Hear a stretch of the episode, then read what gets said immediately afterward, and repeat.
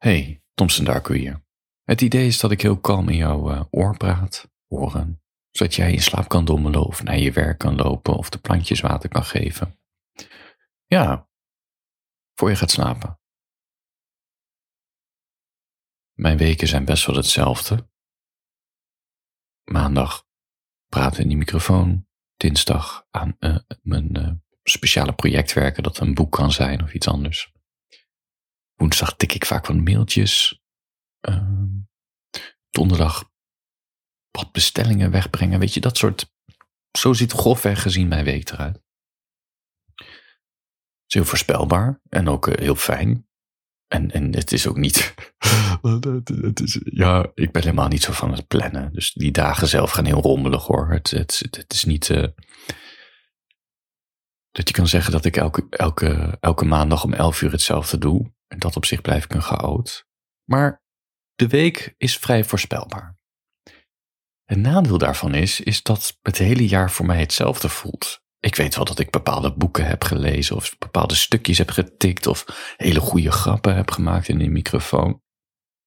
Maar of het nou vorige week was of in maart, het is echt één grote blur. Ik zat um, gisteren in mijn, ik zocht een foto van een, van een uh, ja, wat had ik gedaan? Ik had, ik had op, ik kan dit nog herinneren dat ik als experiment op een tekstje had geschreven, ik mis je en tot nooit meer ziens. Dat is een zin uit het boek Ze volgt me niet terug van mij. En ik wou dat boek nog eens een keertje promoten op Instagram, dus ik had het op een uh, kaartje geschreven en uh, in een envelop gestoken en daar had ik een foto van gemaakt. Die foto zocht ik. Maar ik wist dus totaal niet waar ik moest zoeken. Moest ik nou in juli zoeken of in januari of februari? Dat is dus, het is allemaal één grote blur. Ik kan het niet goed koppelen aan de tijd, omdat mijn weken hetzelfde zijn. En dat, dat geeft ook wel weer aan hoe ons geheugen werkt. Ons geheugen houdt ook van piekmomenten, begrijp je? Dus iets moet heel erg leuk zijn of heel erg pijn doen en dan wordt het een echte herinnering. Vaak is je eerste herinnering een negatieve herinnering. Omdat dat zo'n piekmoment is. Maar het kan ook een hele leuke herinnering zijn. Dus iets wat heel mooi. Uh, bijvoorbeeld toen mijn zusje werd geboren. Dat is, de, dat is mijn vroegste herinnering die ik kan koppelen aan de tijd. Ja, mijn hele jaar kent blijkbaar weinig piekmomenten. het klinkt heel treurig. Ik vergeet dus ook heel vaak in mijn agenda te kijken daardoor, omdat elke dag hetzelfde is, leef ik niet meer eh, van de agenda. Toen ik nog een kantoorbaan had, was ik heel erg niet alleen bezig met mijn werkagenda, maar ook mijn privéagenda. Wanneer is wie jarig? Wanneer is welk feestje? Weet je, dat soort dingen. En nu, ja, ik vergeet dus ook heel veel dingen die in mijn agenda staan. Tandartsbezoekjes bijvoorbeeld. Of uh, ik ben, uh, een verjaardag vergeten waar, waar ik voor was uitgenodigd van een vriend zijn zoontje werd één jaar. En ik had heel veel zin in. Ik had zelfs al een cadeautje gekocht voor dat zoontje. Maar pas een paar dagen later flitste opeens naar binnen. Hè? Had ik niet die verjaardag? Ik kijk in die agenda. Helemaal vergeten. Ja, nou ja, dat, dat is wat minder. ja, ik, ja, dat is, ja, ik weet het niet. Wat moet je hiervan maken? Ik moet mezelf wat meer dwingen om in die agenda te zitten. Of, of wat meer. Ja, misschien, misschien is dat wel een. Uh, iets voor het nieuwe jaar om met mezelf af te spreken. Wat meer piekmomentjes inplannen. Hè? Spontane, niet spontaan geplande hoogtepunten. Dat ik gewoon, ergens in een cafeetje ga zitten of, of elke week in een ander café, zodat het een piekherinnering wordt. Kijk, als je elke week weer naar hetzelfde koffiehuis gaat, dan wordt het weer routine. Dan onthoud je het niet. Maar als ik elke week in een ander koffiehuis heel erg uh, intellectueel ga doen met mijn pen en mijn schrijfboekje. Hè? Ja, misschien heb ik dan wat meer grip op de tijd in dit jaar. Voor je gaat slapen. Ik, um, ja, ik moet, ik, ja, misschien ga ik nu een jeugdherinnering van jou verpesten maar het moet toch gezegd worden. Ik kan me nog herinneren dat mijn oom en tante een hond hadden. En ja, dat ging niet zo goed, die hond en het gezin. Die hond was heel druk en luisterde niet zo goed. En had van die gekke bijtreflexen. Weet je, een hond mag natuurlijk niet bijten, ook niet als het, uh, als het in, spelende wijs. En dat deed die hond wel. Ik denk ook niet dat het aan die hond lag, maar uh, meer aan het gezin. Weet je, een hond wordt natuurlijk niet slecht geboren, hij wordt uh, slecht opgevoed. Of is dat een gezegde? Vast niet.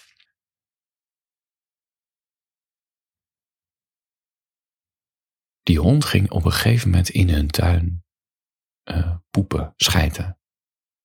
En dat is al best wel gek, want een hond scheidt niet in zijn eigen territorium. Dat doe je gewoon niet. Dat doet ja. Dus wat deed die hond vervolgens? Die ging zijn eigen scheid opvreten. Ja, met braken als gevolg. Ik word er nu ook een beetje misselijk van, sorry.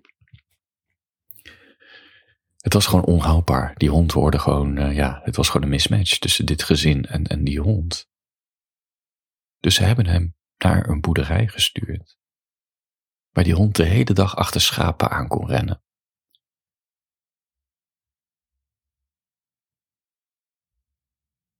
Ik had een vriendinnetje, middelbare school hebben we het over. Die had twee jongere zusjes. En toen ik daar eens een keertje was bij die ouders, vertelde ze ook dat ze een hond hadden gehad, een paar jaar geleden.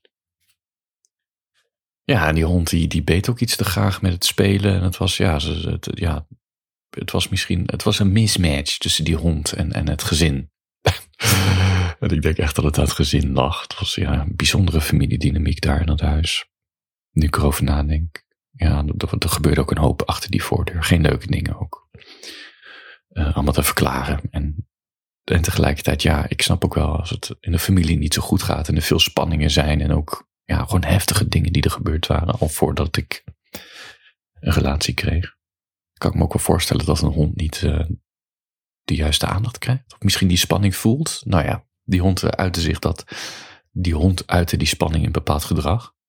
Dus die hond hebben ze naar, um, ja, naar een boerderij gestuurd. Waar die achter schapen aan kan rennen. Ik kan me nog heel goed herinneren dat ze zeiden ja, in Zuid-Holland. Dat ze dan een of andere plaats opnoemden die ik niet kende, maar het lag in Zuid-Holland.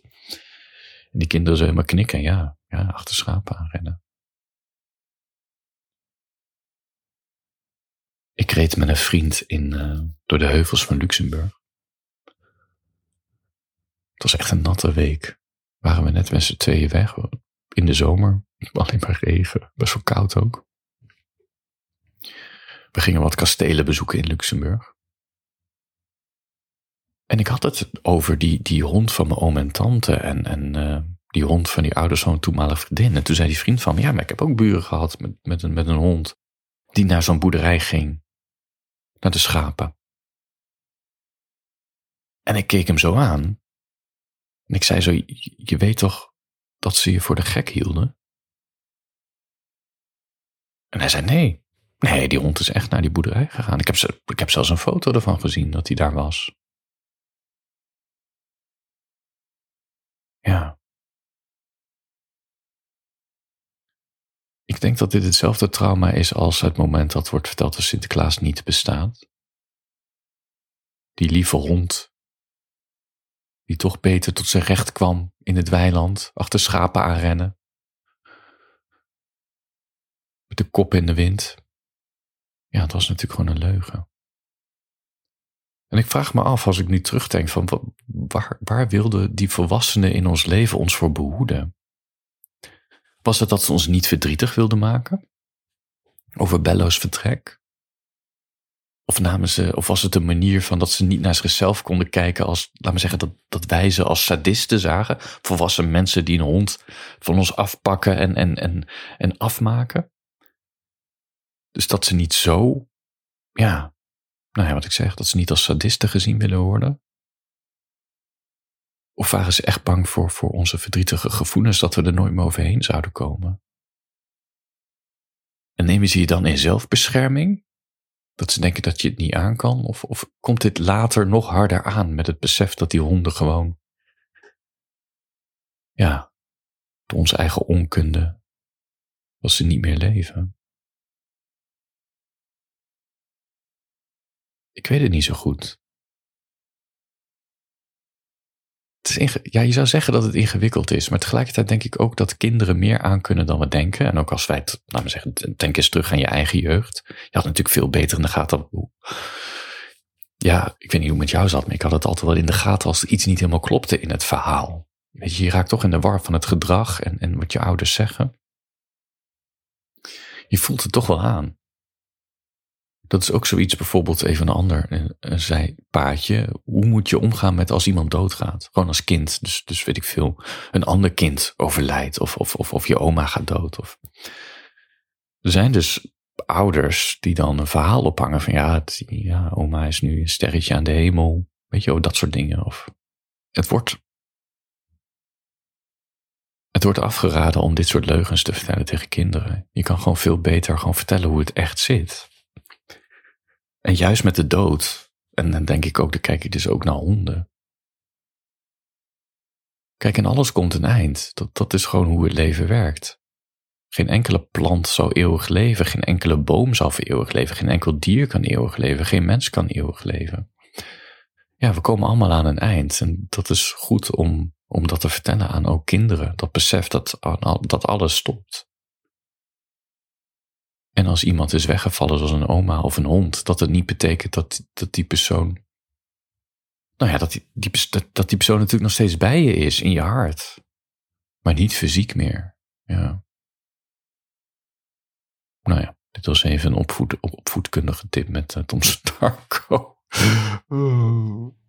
Voor je gaat slapen. Ik zat de film The Killer, daar heb ik het een tijdje geleden over gehad, nog een keer te kijken. Ik had zin om die film nog een keer te kijken. Heb ik niet snel dat ik binnen een maand de film nog een keer opzet. Alhoewel, ja, nee, het gebeurt wel eens. Maar ik heb het niet snel. De film Drive, ken je die film met uh, Ryan Gosling? Die heb ik twee keer in de bioscoop gezien. De eerste keer was ik al zo ondersteboven van die melancholische toon die erin zat. En die soundtrack. En het is spannend gemaakt. Het gaat over Ryan Gosling die... Uh, uh, wat is hij, stuntcoördinator. En in zijn vrije tijd doet hij wat klusjes voor criminelen door als chauffeur, de driver, te fungeren. Op een gegeven moment komt hij in een soort crimineel complot te zitten. En heeft hij een leuke flirt met zijn buurvrouw. Die wacht op haar man die in de gevangenis zit en die komt terug. Nou ja, dan probeert hij toch die man te helpen. Het gaat allemaal mis. Spannende film. Drive. Die heb ik twee keer gezien in de bioscoop. The Killer is direct op Netflix gekomen. Ja, ik heb nog een keer gekeken.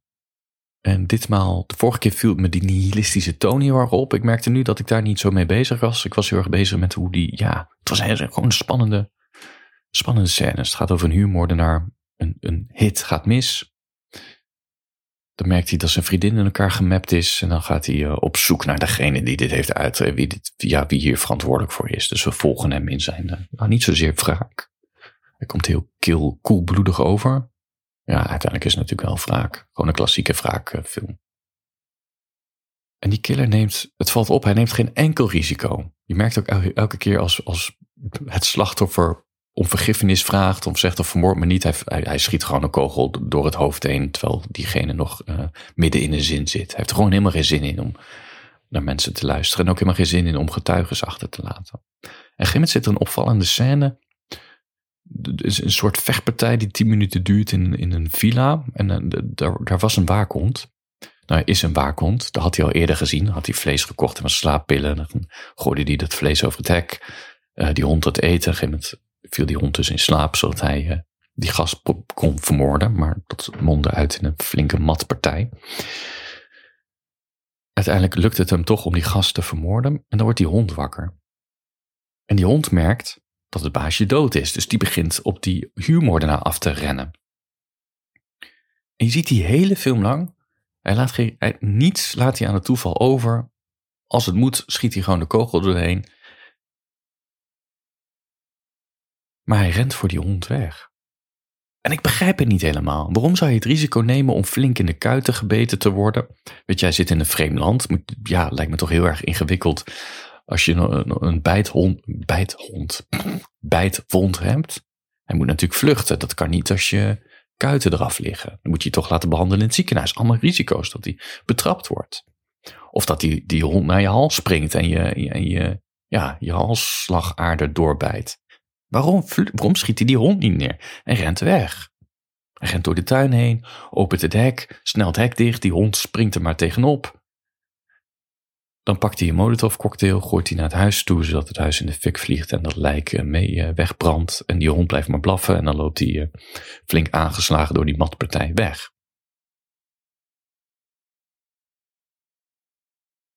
Dit komt natuurlijk omdat. Ja, ik weet niet of het je wel eens is opgevallen, maar. We vinden het als kijkers eigenlijk. We accepteren net dat tientallen mensen op het scherm vermoord worden. Maar je kan er donder op zeggen dat mensen echt getraumatiseerd raken als een dier het loodje legt uh, in een film. En nog erger als een dier uh, onnodig het loodje legt. Dus je ziet nog wel eens met dat een auto een hert aanrijdt. Nou ja, dan moet dat hert uit het lijden verlost worden. Weet je, dat soort, die scènes kennen we ook allemaal. Maar een dier die onschuldig vermoord wordt, dat ja, daar raken mensen gewoon echt letterlijk van in shock. Nou, ik weet niet letterlijk, maar traumatisch. En dat is natuurlijk ook de reden dat denk ik de killer in deze film niet de hond neerschiet. Ze willen het de kijkers niet aandoen. Er is ook niets voor niets de, de website dasthedogdie.com waar je van tevoren je de film kan intikken om te zien of er niet onnodig een dier doodgaat. Maar wat ik nog heftiger vond was toen die killer wegliep. Dat is dat die hond nu zonder baasje, baasje achterblijft. En, en zelfs zijn huis is nu vernietigd. Ja, is het lot nu niet nog erger van die hond? Had die hond niet beter met zijn baasje mee kunnen sterven? Was dat een mooi, ja, einde van het leven van die hond geweest?